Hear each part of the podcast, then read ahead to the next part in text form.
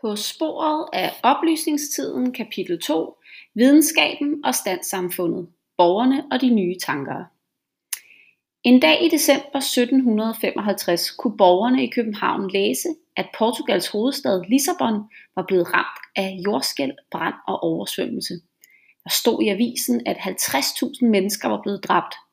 Den pietistiske præst og digter Hans Adolf Brorson skrev et digt om den rystende nyhed, hvor han gav udtryk for, at jordskælvet var Guds straf for portugisernes syndige liv.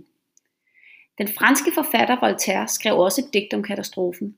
Han kunne godt give den danske præst ret i, at der fandtes en Gud, men han nægtede at tro, at det var Gud, som lavede jordskælv for at straffe mennesker. Voltaire var præget af en ny måde at forstå Gud på, som kaldtes deisme. Ifølge denne tankegang havde Gud godt nok skabt verden, men siden der trukket sig tilbage og lavet naturlovene styre den. Måske skulle jordskælvet derfor forklares på en helt anden måde. Immanuel Kant forestod, at jord, årsagen til jordskælv kunne være ændringer i store underjordiske huler fyldt med gas. Den teori viste sig sidenhen at være forkert, men den var et forsøg på at forklare katastrofen alene ved hjælp af naturvidenskaben. Portugals statsminister satte gang i undersøgelser, som skulle samle informationer, der kunne gøre byens indbyggere klogere på årsagen til og konsekvenserne af katastrofen. Han beordrede derefter, at byen skulle genopbygges på en måde, så den bedre kunne modstå jordskæld i fremtiden. Diskussionen om jordskælvet i Lissabon viste, at naturvidenskabens måde at forklare verden på blev mere og mere udbredt blandt byens veluddannede borgere. De var villige til at tænke nyt og stille kritiske spørgsmål, men hvorfor bredte de tanker sig netop i 1700-tallet? Vi kan finde en forklaring ved at se på, hvordan Europas samfund var bygget op i oplysningstiden, og hvordan de ændrede sig. Standsamfundet Mens Voltaire og Kant tænkte over jordskælvet i Lissabon, levede hovedparten af befolkningen, det vil sige bønderne og de fattige, deres liv uden at tænke nærmere over, at det foregik i oplysningstiden. Frankrig kunne, ligesom mange andre europæiske lande, kaldes et standssamfund. Hvilken stand man blev født i, var i høj grad afgørende for ens liv. Der var tre stænder. Første standen var præster og munke i kirken. Anden standen var de adelige, som havde arvet jorden, fornemme titler, skattefrihed og retten til at være tæt på kongen fra deres forfædre. Disse to stænder blev kaldt de privilegerede stænder, fordi de havde flere rettigheder og muligheder end resten af befolkningen. Langt de fleste mennesker hørte nemlig til det, der blev kaldt tredje standen, en stor del af dem var bønder, mange af dem ejede deres egen jord, men skulle betale afgifter og skatter både til kongen, kirken og adelen.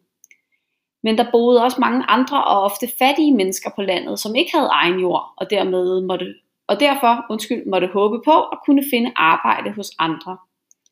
I byerne var der mange fattige mennesker, som måtte sulte, når de ikke kunne finde arbejde. Men der var også et borgerskab, som levede mere trygt, de fleste af dem var jævne mennesker, der ernærede sig som håndværkere, småhandlende og lønarbejdere, men der fandtes også en elite af rige borgere, som tjente godt på at være jurister eller måske embedsmænd for kongen, eller ved at drive banker, handel eller andre virksomheder. I standsamfundet, i standsamfundet hang individets rettigheder nøje sammen med, hvor man var placeret i samfundet. Hvis man ville opnå flere rettigheder, end man var født med, skulle man altså ændre sin position i samfundet – det var meget vanskeligt. I 1780'erne var der mange og synlige spændinger mellem stænderne i Frankrig.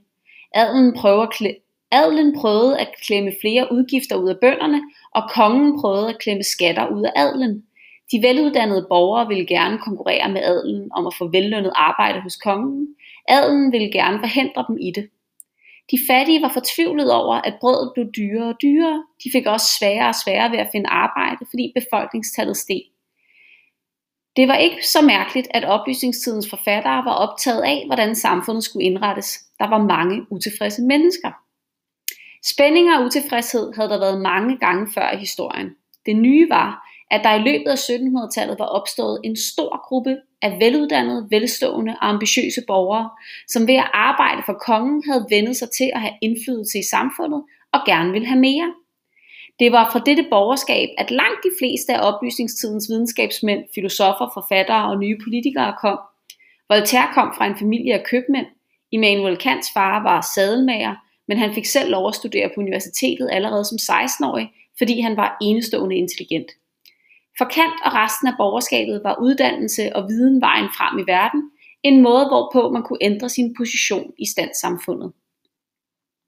Det var ikke så mærkeligt, at borgerne godt kunne lide oplysningstidens liberale tanker om rettigheder, folkets indflydelse på magten, frihed til at tænke nyt og muligheden for at drive forretning og tjene penge, uden at staten blandede sig. Det var tanker, som, kunne, som ville kunne give dem nye muligheder og et afgørende forspring i konkurrencen med de adelige jordejere om magt og indflydelse.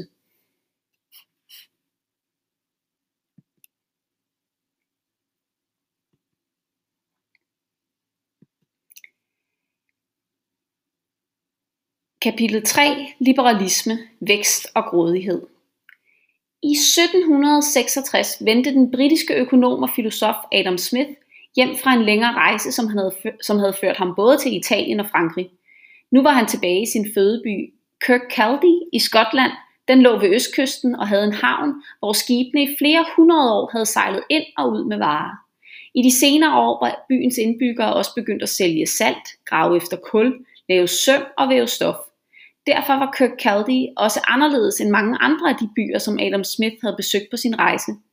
Selvom mange englændere og skotter stadig levede af at dyrke jorden, var der flere og flere, som tjente penge på handel og den industri, som langsomt men sikkert var ved at komme i gang. Adam Smith havde i Frankrig mødt økonomer, som mente, at al velstand i et samfund stammede fra landbruget. For det var kun, når man puttede et frø i jorden og bagefter høstede mange flere, at man kunne tale om, at der opstod en ny værdi. Adam Smith havde en anden opfattelse af, hvad værdi, hvad værdi var, og hvordan det blev til. Han mente, at en effektiv arbejdsdeling ville gøre samfundet rigere, og altså skabe mere værdi. I stedet for at vævere arbejdede hjemme i deres værksted, var det bedre at lave store væverier, hvor mange mennesker kunne hjælpe hinanden med at producere stof. Arbejdet skulle deles op, så forskellige grupper af medarbejdere tog sig af hver sin opgave. På den måde kunne de koncentrere sig om at blive gode til at gøre lige netop det, og, der, og derfor arbejde både hurtigere og bedre. På samme måde skulle alle i samfundet dele arbejdet og specialisere sig i at løse netop deres arbejdsopgave bedst muligt. Økonomisk liberalisme Adam Smith skrev sine tanker ned i en bog, som udkom i 1776. Den havde en meget lang titel, An Inquiry into the Nature and Causes of the Wealth of Nations, som i omtale blev forkortet til The Wealth of Nations, eller på dansk, Nationernes velstand. Bogens centrale påstand var, at et samfund kunne blive rigere gennem arbejdsdeling mellem indbyggere, fordi det gjorde produktionen af varer hurtigere, billigere og bedre. Adam Smith hævdede samtidig, at hvis staten blandede sig så lidt som muligt, ville befolkningen af sig selv sørge for at producere varer på den mest optimale måde, fordi de konkurrerede frit med hinanden. Han kaldte det den usynlige hånd, når markedet på den måde sørger for, at alle bruger deres tid på at lave det, han eller hun er bedst til, fordi ingen kan sælge en vare, som andre kan lave bedre og billigere.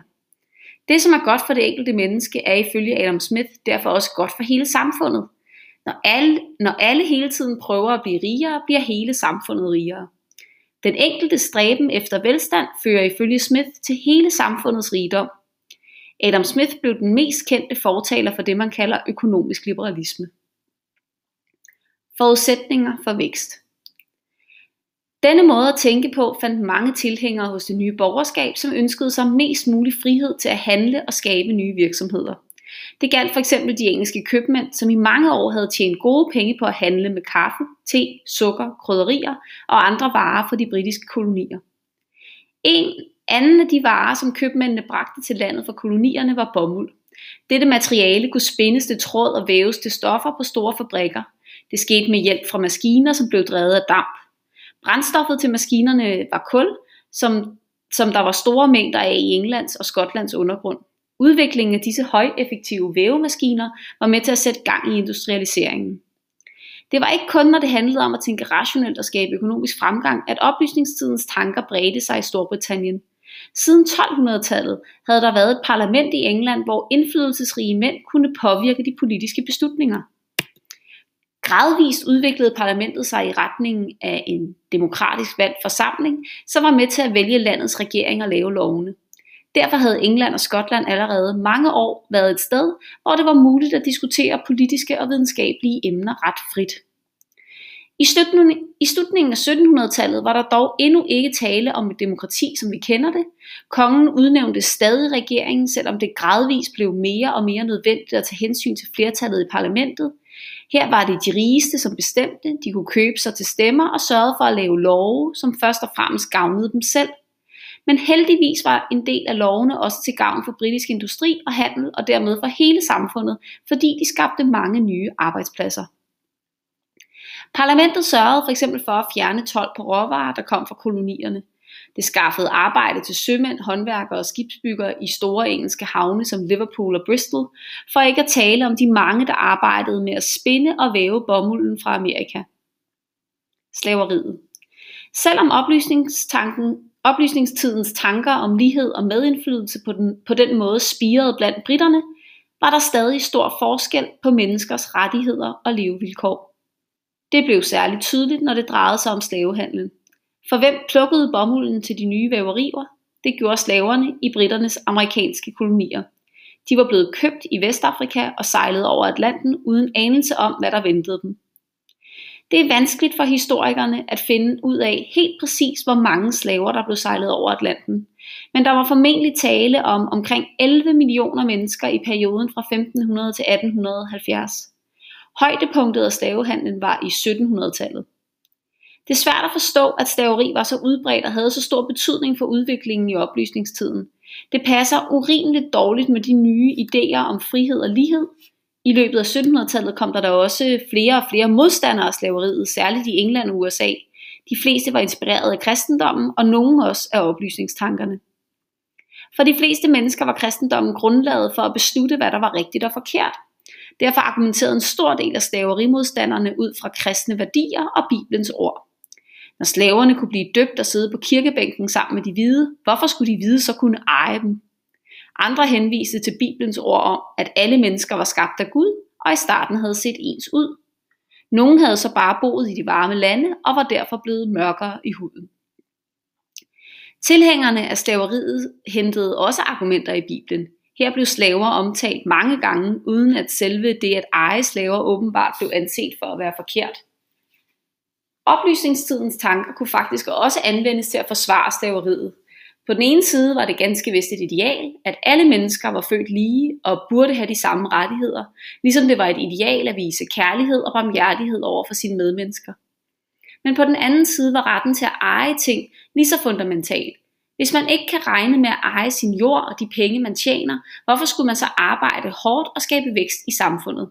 Man kunne derfor spørge, med hvilken ret man kunne fratage slaveejeren de slaver, som han ærligt og redeligt havde købt. På trods af, at slaverimodstanderne holdt møder og sendte breve til det engelske parlament, blev der i 1790'erne stadig tjent styrtende med penge på de amerikanske plantager. Det var åbenbart for god en forretning til, at samfundets elite ville opgive den. England forbød dog handel med slaver i 1807 og selve slaveriet i 1834. I Danmark blev slavehandel allerede forbudt blev slavehandel forbudt allerede i 1792, men selve slaveriet på de vestindiske øer blev først ophævet i 1848. Selvom det var en enorm forretning, der tog sin tid, vandt idealerne og menneske, medmenneskelighed trods alt til sidst. Det var dog også en anden begrundelse for at afskaffe slaveriet. Adam Smith mente for eksempel, at slaver var dårlige arbejdere. De var nemlig ikke særlig interesserede i at gøre et godt stykke arbejde, når de ikke selv kunne få noget ud af det. Derfor var slaveri, slaveri ikke vejen frem, hvis målet var at skabe vækst og velstand i samfundet. Danmark forandres. Denne tankegang var også baggrunden for, at den danske regering i slutningen af 1700-tallet indførte de såkaldte landboreformer. Bunden fik nu mulighed for at købe sin egen gård. Tidligere havde de fleste bønder fæstet deres gård, det vil sige, at det var godsejeren, som ejede den, men fæstebunden fik lov til at drive den til gengæld for at arbejde og en andel af høsten. Undskyld, det vil sige, at det var godsejeren, som ejede den, men fæstebonden fik lov at drive den til gengæld for arbejde og en andel af høsten. Landboreformerne gjorde det også muligt for bønderne at bytte jord med hinanden, så hver gård fik færre, men større marker, og på den måde blev det nemmere at dyrke jorden effektivt. Tidligere havde gårdenes marker mange steder ligget så spredt, at bønderne i praksis var nødt til at dyrke dem. Alle disse ændringer gjorde det muligt for de danske bønder at gøre både sig selv og hele samfundet væsentligt rigere i løbet af 1800-tallet. Det blev nemmere at indføre nye måder at producere på, og bønderne var givetvis mere motiverede for at skabe overskud, når de i højere grad selv kunne bestemme over gården og deres eget liv. Men det betød også øh, meget, at landene omkring Danmark blev industrialiseret. Det førte til, at storbyerne voksede og fik brug for flere fødevarer. Det var dog ikke alle mennesker på landet, som fik del i den nye rigdom.